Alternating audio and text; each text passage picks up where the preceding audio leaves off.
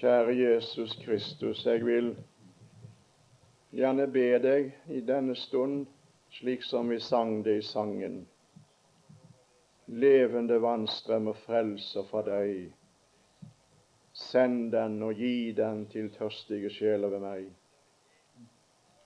Din vil jeg være, kar til din ære. Alt du meg ga, være helliget deg. Herre, kan du ta min tunge nå og temme dens tale, og gjøre den til din sannhetstolk, så jeg levende kan male Kristus deilig for mitt folk. Dette ber jeg om, og Herre, til ære for ditt navn, til gang for ditt rike i disse bygder, til frelse, til velsignelse og oppbyggelse. I Jesu navn. Amen. Jeg skal lese fra Matteus evangeliet kapittel 16.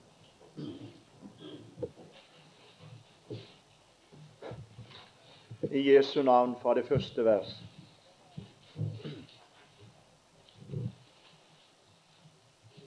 Og fariseerne og saduseerne gikk til ham og fristet ham og ba ham at han ville la dem få se et tegn fra himmelen.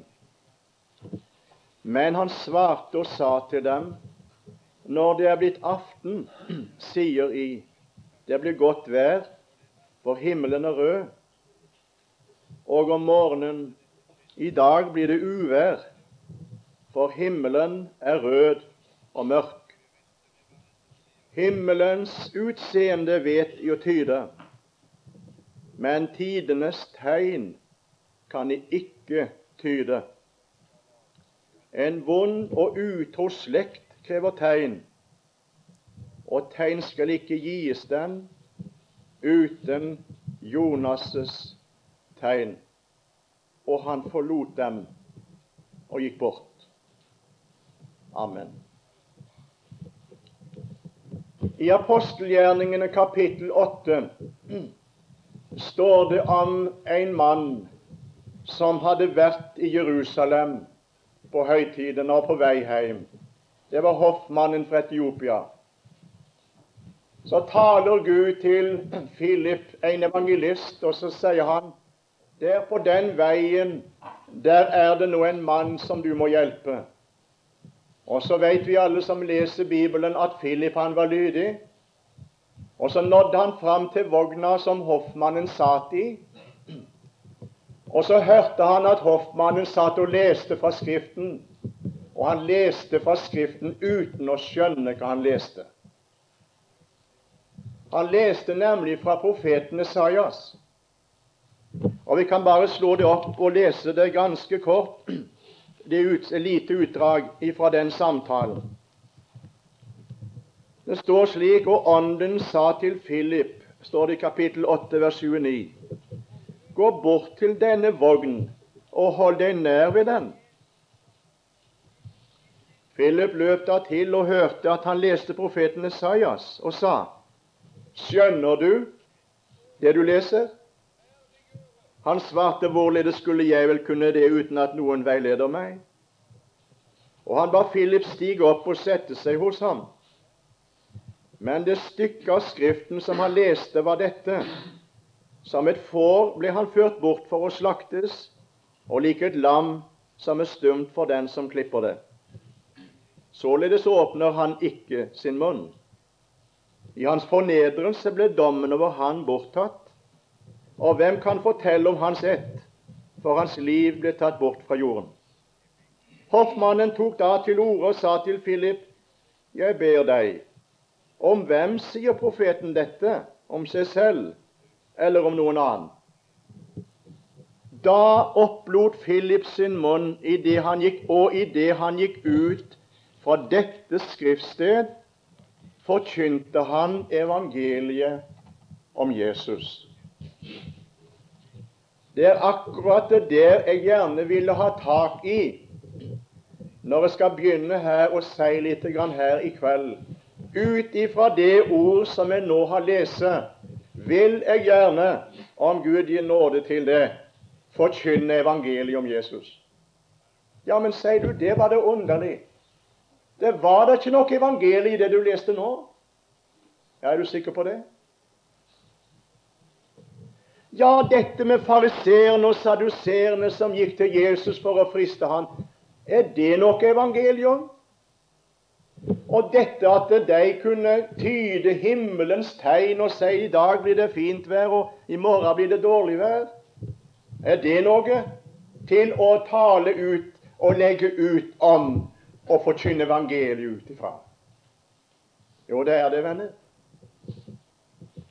Og Nå skal jeg gjerne få lov å gå rett på sak med en eneste gang. Jesus han taler her til de, og så sier han Himmelens utseende vet dere å tyde, men tidenes tegn kan dere ikke tyde. Jeg vil gjerne gjøre denne forsamling oppmerksom på at det ikke står 'tidens tegn'. For da er det klart for oss og Jeg vil gjerne si det at når det gjelder den nynorske oversettelse, så står det 'tiarteikning', hvis jeg ikke tar feil. Men ut fra grunnteksten står det ikke om tidens tegn, men tidenes tegn. Og det er ikke tegnene i tiden, men et bestemt tegn. Ja, la meg få lov å si det et bestemt tegn til alle tider, som folk til alle tider skal være oppmerksom på. Tidenes tegn. Og det er det som fariseerne og de skriftlærde ikke kunne tyde. Og hvorfor de ikke kunne det? Ja, årsaken til det, eller vi kan si det, resultatet av dette var da at de sa Jesus, du må vise oss et tegn fra himmelen, så skal vi tro på deg. Og så skal jeg få lov å si det så var de ikke våkne for å forstå at han som sto midt imellom dem, var tegnet fra himmelen. Og nå vil du gjerne forstå, når jeg nå i denne kveldsstunden om Gud gir nåde til deg, skal få lov å forkynne evangeliet for denne forsamling. Og jeg vil gjerne si det det er en glede i mitt hjerte å kunne få lov å presentere Jesus for deg ut ifra teksten. Og det er det vi skal.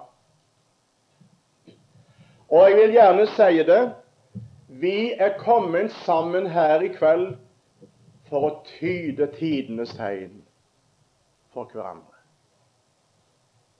Ja, det er vi.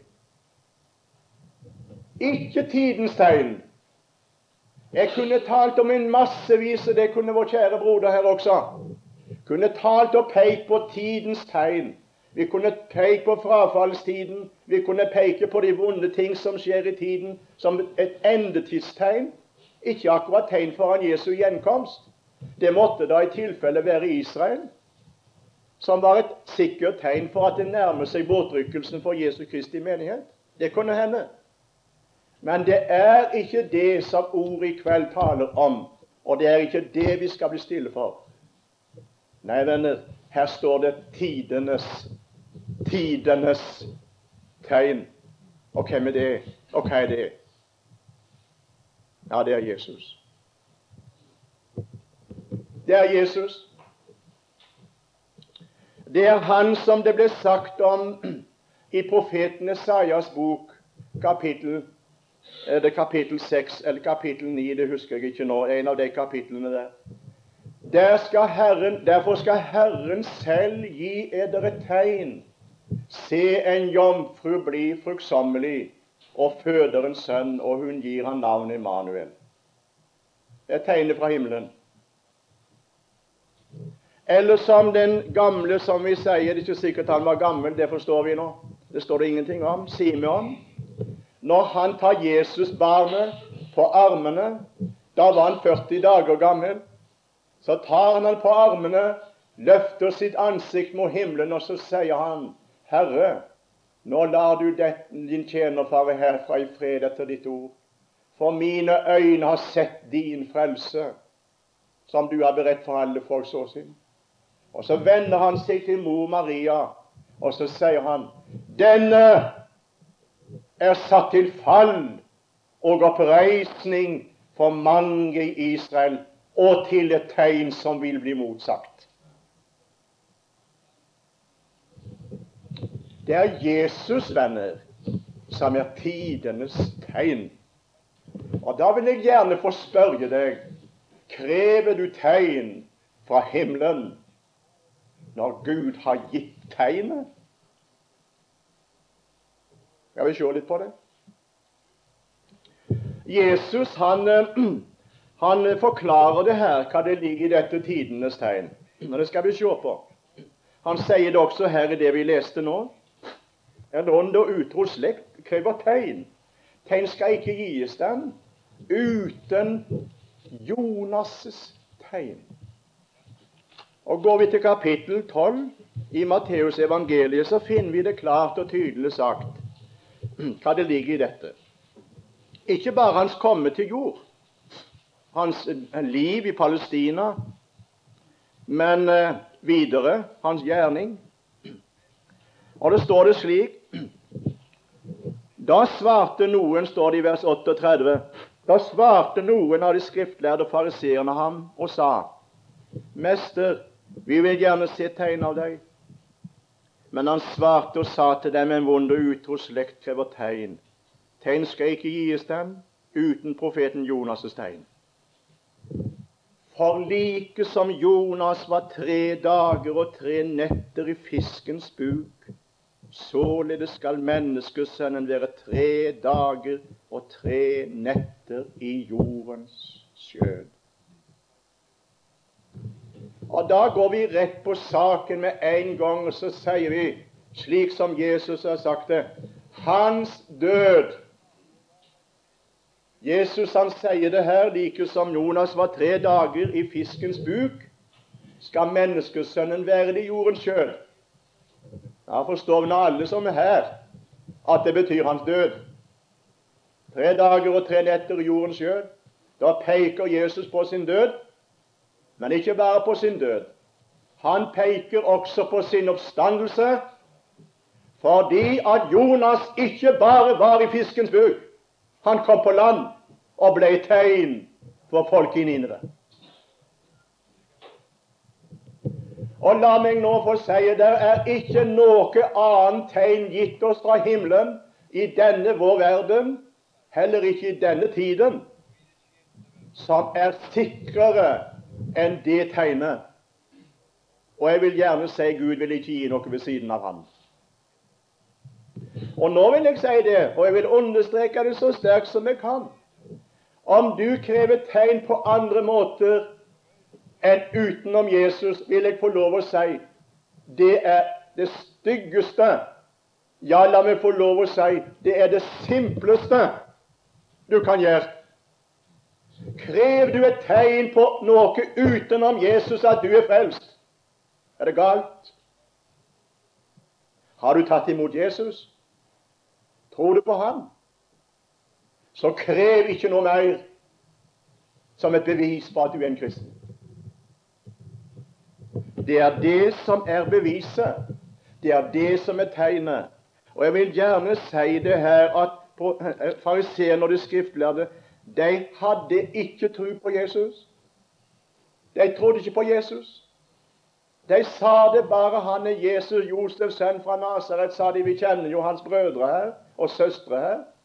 De trodde ikke på Jesus, at han var Guds sønn, at han var Messias, at han var frelseren. De hadde ikke bruk for han det. Derfor krevde de tegn fra himmelen. Og nå vil jeg si noen ting som ligger veldig på meg. Det kan godt være det, kjære venner. Og nå forstår denne forsamlingen det, det jeg vil si nå. Det kan godt være det at det er på grunn av en forholdsvis på kanskje liten, eller vi kan gjerne si det slik, en manglende Kristusopplevelse som gjør at mange søker tegn på andre sider og på andre måter at jeg er en kristen. Og jeg tror det, venner, at det botner mye i dette i vår tid. I all den forvirring som er i tiden i dag, hva botner det i? Det botner i en manglende Kristusopplevelse.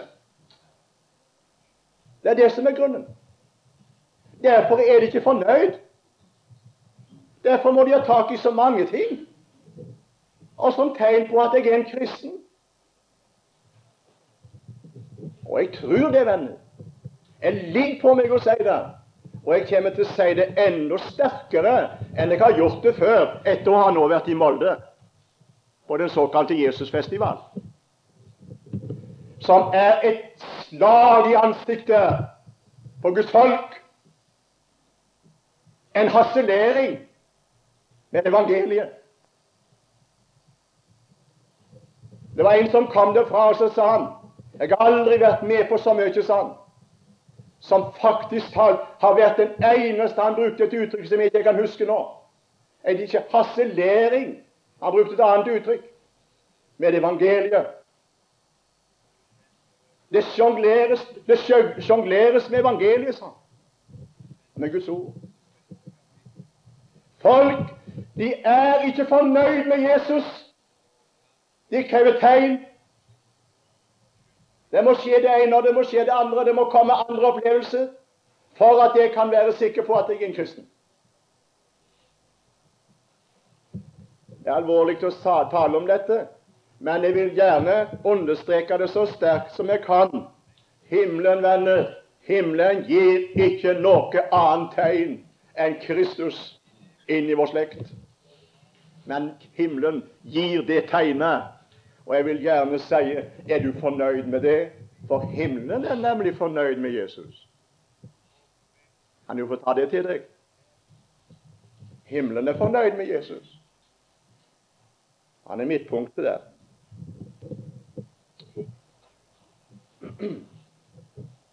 Hva står da Jesus i blod og sår, i hans død og sin oppstandelse?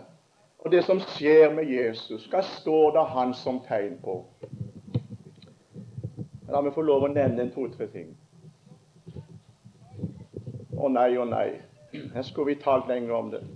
Men jeg skal begrense meg. For det første så vil jeg si det at Jesus, lik Jonas, står som et tegn på hvor forferdelig alvorlig Gud tar det med synden. Ja. Er det noen som er i tvil om at Gud er en fortærende ild og hater det som er av synd, og som vi har fra fallet, kan du bare se han der han henger i blod og sår på Golgata. Og derfor han måtte gå i døden. Og denne forsamlingen som er kommet hit til eh, Lyngmo i kveld, kjenner vel noe til evangeliets veldig alvorlige mørke bakgrunn. Og Vi har hørt det så sterkt under disse bibeltimene. Jeg er så takknemlig for det. For veit du hva som er det vanskeligste for meg som forkynner? Kan det være gi åpne litt, at ikke vi besvimer her? Det er for varmt. Vet du hva som har vært det vanskeligste for meg alle dager? Det som har vært det vanskeligste for meg som forkynner, mellom annet jeg har ikke vært, Det var mange ting som har vært vanskelig. Men en av disse tingene som har vært mest vanskelig for meg, det er å føre min forsamling og de jeg skal tale for, inn til et møte med den hellige Gud. Så de har blitt syndere. Det våger jeg ikke å si. Jeg syns jeg aldri har fått det til. Men det ser ut for at Gud likevel har fått det til. Og veit du det, at det er bare de som har det vondt, som trenger lege? Ingen annen. Jeg søker aldri lege verken på meg eller barna mine når de er friske, men når de har det vondt. Nå skal ikke jeg tale om alt dette som har med synd å gjøre i kveld. Jeg skal bare få lov å peke på Han som henger på det midterste treet på Golgata-haugen utenfor Jerusalem. Han er tegnet på, tegnet fra himmelen, på det at Gud tar det dødsens alvorlig med synd. Han tåler den ikke. Han må dømme den. Han må fordømme den. Han må sone den. Han må tilintetgjøre han som har dødens velde. Han må gjøre det på den måte. Så spør bare om Gud er en gammel bestefar i himmelen som tar det så ganske piano og sier det er da bare noe som vi har i arv, dette her. Nei, folk, han tar det alvorlig, og så sier han den som synder, skal dø. Det er veldig. Og så smaker Jesus det. Det er døden. Synderdøden. Han dør på Golgata. Og ikke bare syndene, kjære venner. Ikke bare konkrete synder. Vi snakker jo om det. Hva som er konkrete synder. Er synd å danse? Er det synd å gå på kino? Er det synd og, og, og alt dette her? Og så snakker de unge i dag, særlig da, om hva som er synd og ikke synd. La meg få lov å si, kunne vi ikke snakke litt mer med hverandre om i forsamlingen som er selve synden? Og Jeg er så glad for den tonen og for det budskapet vi har fått her, vi som har vært på kurset. Synd er ikke først og fremst det vi gjør, venner, men synd er det vi er. Vår natur, den vi har fra Adam. Og Derfor heter det, og jeg vil gjerne understreke det, Romerbrev 8,3 der heter det det som var umulig for loven idet den var maktesløs på grunn av kjødet, det gjorde Gud. Og la meg få si det som var umulig, gjorde Gud. Og det som er umulig for loven, det gjør Gud. Fremdeles. Han er alle umuligheters Gud, som hos Marie Monsen, og kalte han for det. Alle umuligheters Gud. Så står det det som var umulig for loven, idet den var maktesløs av kjødet, det gjorde Gud. Idet han sendte sin sønn i syndig kjøds lignelse, og for syndens skyld, og fordømte synden i kjødet. Fordømte sjølve opphavet, sjølve årsaken til de syndige handlinger. Han tok ikke bare de syndige handlinger og sona de, men han tok sjølve den gamle adametiske natur som jeg har, og så heter det 'Jeg er korsfest med Kristus'. Vårt gamle menneske blir korsfestet med ham.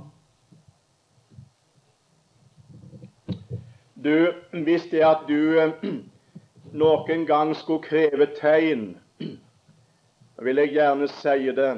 Det må du ikke gjøre. Det var en som sa det under krigen.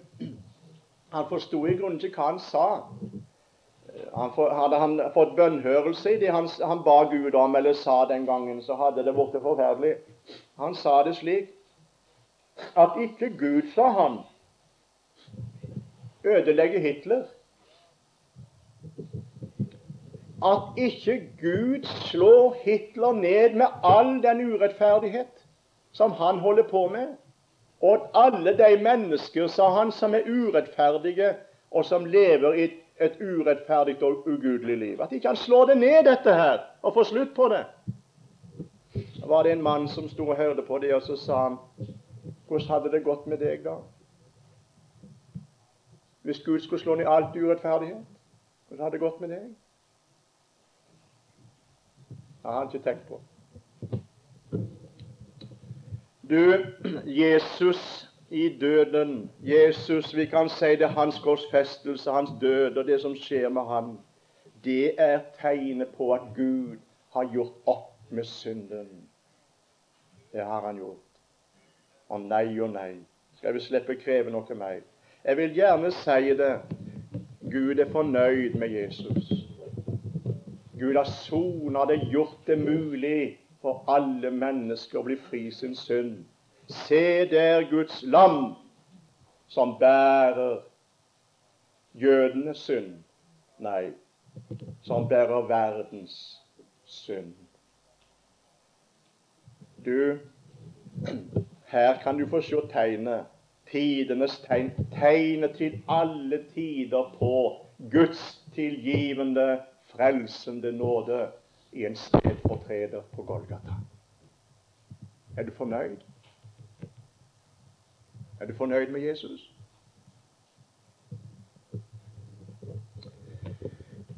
Det er et ord i, Johan, i 2. Korinterbrev 5, 21. Jeg blir aldri ferdig med det. Jeg blir aldri ferdig med det. Jeg kan bare se lite grann i det. Jeg kan aldri se bunnen i det.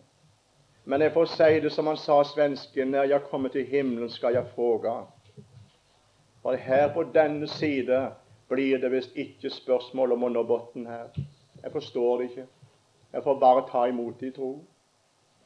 Der skriver apostelen Paulus han som ikke visste av synd. Ja, hvem er det, du? Var Jesus der?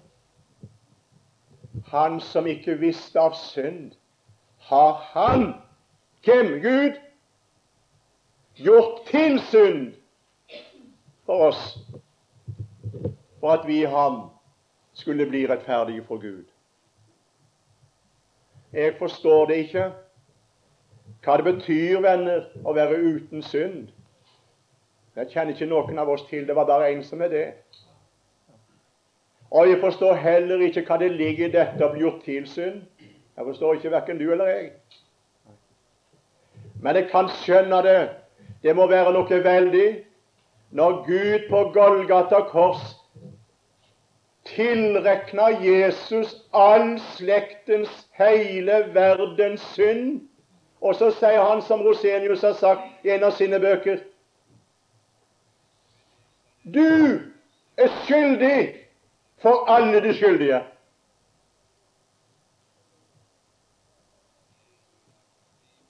Se nå til, sier Rosenius, og gjøre fyldes for det, sier Gud til Jesus. Du er skyldig. Du har gjort alt, sier han, som alle mennesker til alle tider har gjort. Gud tilrekner Jesus all verdens synd som om han skulle ha gjort det. Han blir personifisert med synderen og smaker det i sin hellige, rene, rettferdige sjel og fullkomne sjel at han er skyldig for alle de skyldige. Da forstår vi hva det betyr. Han smaker den som sin. Ikke bare straffen lå på han, men der i sin nød opplever Jesus på Golgata, i sin død, der opplever han at all verdens synd blir han ett med, gjort til synd, for at vi i ham skal bli rettferdige for Gud. Er du fornøyd med tegnet? Er du fornøyd med Jesus? Krever du noe mer? Kan jeg få lov å si det til deg i kveld, hvem du måtte være? Himmelen er fornøyd. Gud er tilfredsstilla ved Jesu død. Han har gjort det mulig å få en evig forløsning. Derfor heter det i Hebreabrevet disse ordene Kristus gikk med sitt blod en gang inn i helligdommen og fant en evig forløsning. Tegnet. Og så vil jeg nevne det andre. Det var en som sa det en gang at han er så vanskelig for å tro at Jesus elsker meg, at Gud elsker meg. Har du det? Vanskelig for å tro at Gud elsker meg. Sånn. Tenk om det hadde stått på himmelkvelvingen Gud elsker deg, sier Gud. Gud elsker deg. Så sto der en mann og hørte på det, og så sa han Nei, det der det var dårlig, sa han, for en dag skal himmelen rulle seg sammen som en bokrull og forsvinne. Og da, sa han, vil også det ordet, eller de ordene, Gud elsker deg, vil også forsvinne. Nei, venner, vi skal slippe be om et tegn på at Gud elsker oss. Vi har tegnet. Vi har tegnet. Tidenes tegn. Og du skal ikke møte et eneste menneske i denne verden som ikke var med når det heter det i Johannes evangeliet 3,16. Så har Gud elsket verden at han gav sin sønn den enbårne, for at hver den som tror på ham, for han på korset ikke skal få tapes, men evig liv. Jo, jeg skal si deg det at vi har tegn i tiden. Jeg skal si deg det er tidenes tegn som vi skal få se på. Og du skal ikke være i tvil. Her vil jeg gjerne få lov å lese noen bibelord. Jeg synes det er så vidunderlig å lese fra Romerbrevet 5. Jeg vil ta det med. Jeg skal ikke holde lenge på. Men uh, jeg vil ta først Romerbrevet 5. Her står det slik Jeg er så glad i det der. Vers 6.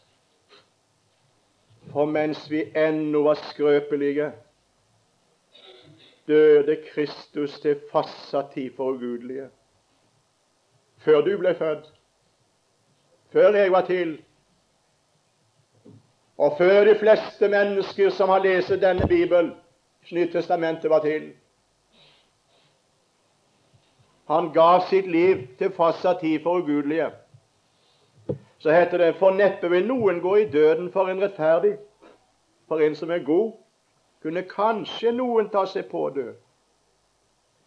Men Gud viser sin kjærlighet mot oss derved at Kristus døde for oss mens vi ennå var syndere.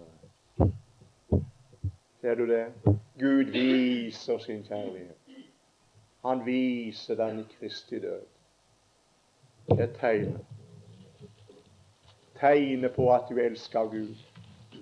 Første Johannes brev, kapittel 4. Det har vi dog.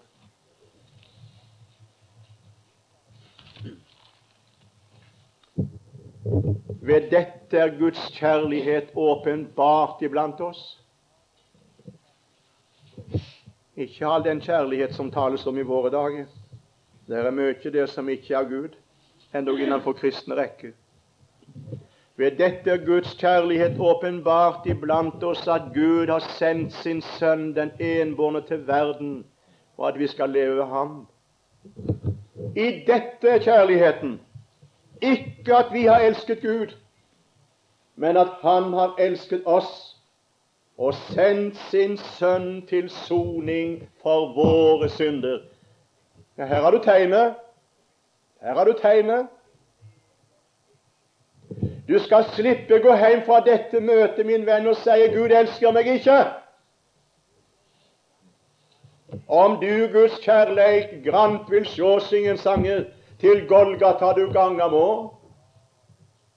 Kan du sjå han elsker deg? Og la meg nå få si noe, få arrestere noe, for det er nemlig noe vi alltid er opptatt med, mer eller mindre. Vi tenker som oftest på at da må jeg være god i mitt indre. Hvis Gud kan elske meg, så må det være litt bedre enn jeg er. La meg få lov å si det. Det er ikke sant, kjære venner, at Gud elsker deg på grunn av, men han elsker deg på tross av. På tross av. Han elsker ikke på grunn av. Han elsker på tross av. Jeg glemmer aldri når jeg kom inn på på bedehuset i Ålesund første gangen. På predikantrommet der. Jeg var så nedfor. Og Satan hadde plaget meg i flere dager. Jeg var trøtt og sliten både fysisk og psykisk. Og, og, og, og det var Satan som talte så ofte til meg, og så sa han du kan skjønne det at det er ute med deg. Det er forbi med ditt forhold til Gud. Du er en rene hykler. Du må bare reise hjem. Hva skal du reise ut og forkynne Guds ord, som ikke, ikke har det annerledes i ditt hjerte enn, enn du har det? Har du opplevd når Satan kommer på den måten? Da han er fryktelig. Og Så setter vi ned og skulle ha ei bibelveke. Kom fra en annen plass og var veldig sliten. Og så skulle jeg ha ei bibelveke i Ålesund. Og jeg var frista til å reise hjem, for jeg var sliten både åndelig og, og fysisk. Så sette meg ned i en stol på rommet der. Jeg hadde kofferten på ene sida taska på den andre sida, gitaren og paraplyen og kalosjen og alt sammen. Og følger med inn i museet. Jeg var oppgitt. Aldeles oppgitt. Altså, jeg har ikke tro på at jeg hører røster. Det er noen som hører røster. Og det er jo Gud, alltid Gud hvis det er røster. Jeg har ikke tro på Jeg har aldri hørt noen røster, jeg. Aldri. Jeg Har ikke bedt om det heller. Men Gud taler til meg i ordet. Trenger ikke noe røst. Men så var det noe i mitt indre som dro meg med, Som liksom henviste meg til å se opp. Jeg har aldri opplevd det slik. Og så falt øynene mine på et bilde på veggen der på rommet. Det var ikke et vanlig maleri, men det var et skriftsted. Jeg glemmer det aldri. Og Gud signe den hånda som sydde det, med gullbokstaver på mørke bunn.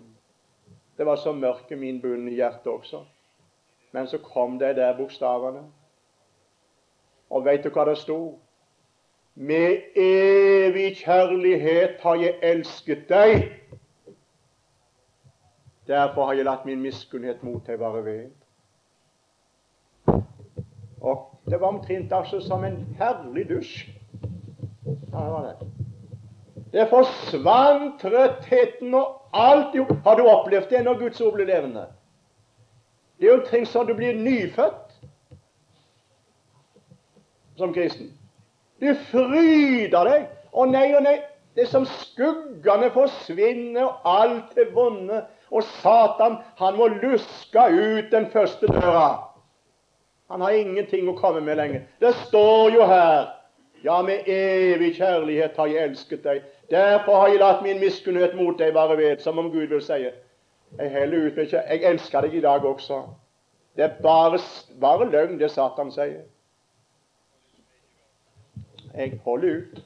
Min kjærlighet er like sterk i dag. Han elsker ikke på grunn av, men på tross av. Er du fornøyd med det? Er du fornøyd med Jesus? Som Jonas var et tegn for folk i Nineve, skal Kristus være det for oss og for hele slekten. Han står som et tegn i tiden, like til i kveld, at han elsker en syndig og dødende verden. Og han elsker deg. Han elsker deg slik som du er. Ikke slik som du burde bli, og burde være. Jeg har arrestert mange ganger det uttrykket, for jeg har jo barn sjøl. Og du hører sagt hvis du er snill, så elsker Jesus deg. Er det noen foreldre som sier det til barna sine? Det må du aldri si. Det er ikke sant. Om du er snill, så elsker Jesus deg hvis du er snill. Vel, vi skal si det til barna våre. Jeg sier det til barna mine også. Det minste iallfall, så jeg kan få snakke til om dette. Så si det når du gjør det der, så bedrøver du Jesus. Og så bedrøver du far og mor. Men jeg kan aldri si det til barna mine, men når du gjør det der og er slik, så elsker Jesus deg ikke. For han elsker likevel. Du skal aldri møte et menneske som ikke Gud elsker. Ja, aldri skal du møte et menneske som ikke elsker Gud. Om det djupest fallende, som det fineste fariseer. Kjærligheten er like brennende til alle. Jeg elsker. Paulus taler om i Feserbrevet 3 om bredden og lengden og dybden og høyden der er Guds kjærlighet i Kristus. Du når aldri til bunnen. Aldri. Om alle hav med blekk var fylte, synger sanger, var himmelens hvelv av pergament, og var en penn hver strå på jorden, hver mann med skrivekunsten kjent, og skildrer rett Guds kjærlighet vil tømme alle hav og himmelens hvelv fra bryn til bryn ei plass og Skriften gav. Er du fornøyd med Jesus? Gud viser sin kjærlighet mot oss derved at Kristus døde for oss mens vi ennå var syndere. Prise Gud. Det er tegnet i tiden. Jeg har ikke bruk for noe annet. Og så sto han opp til min rettferdighet. Jeg skulle nevnt en ting til, men nå skal jeg slutte. Jeg bare får lov til slutt. Jeg ble så grepen av en ting her en dagen, eller en tid siden nå. Der jeg var nede i Kristiansand. Og så fikk jeg et lydbånd, en kassett. Jeg var inne på Lynord. Og så fikk jeg den kassetten, og det var det en tale av Sven Folløen. Jeg kjenner sikkert det som er eldre her, han som reiste Misjonssambandet for år tilbake. Han er hjemme hos Gud nå. Så han om en, eh, en båt som gikk unna inn i Ryfylkefjorden under krigen. Iblant de som drukna der, var det en eldre mann. Han kunne ikke svømme. Båten gikk ned, og passasjerene om bord kom i sjøen. Og så var det ei sykesøster som også var mellom dem. En kristen. Han kjente henne. Og når han får øye på henne der på sjøen, så roper han for han er en ufrelst mann. Nå vet han han skal dø. Og så roper han Er det nok med Jesus? Så svarer hun i bølgesvulpet og bølgene så Ja, det er nok med Jesus. Og så gikk han ned. Men så kom han opp igjen noen sekunder etterpå, rista sjøen av seg. Og så ser han ham på nytt igjen, og så roper han, og da er det en veldig nød i stemmen. Er det nok med Jesus? Så roper hun til han. Ja, det er nok med Jesus. Gikk han ned. Kom aldri opp igjen. Skal jeg få lov å spørre deg er det nok med Jesus? Trenger du noe mer? Trenger du noe mer? Så svarer himmelens Gud til oss i kveld ja. Ikke sykesøster, ikke predikanten, ikke bibelskolelæreren, men Guds eget ord svarer i tiden i dag, i vår tid. Det er nok med Jesus. Er du fornøyd med det? Gud er fornøyd med det. Herre Jesus. Vil du hjelpe oss, Herre, at ikke vi krever tegn fra himmelen eller tegn på annen måte, men at vi tar imot tegnet deg, Jesus, evangeliet om deg, slik at du får være alt for oss, for du er alt innenfor Gud. Vi har ikke noe utenom deg, men vi har alt, alt i Jesus. Legedom for alle hjertesår. Ingen synd som ikke han forlater, ingen nød som ikke han forstår. Om jeg eier Jesus, bare Jesus, og i hele verden intet mer, og så eier jeg dog alltid Jesus, Han som liv og overflod meg gir. Velsign denne forsamling til å ha nok i Jesus. Amen.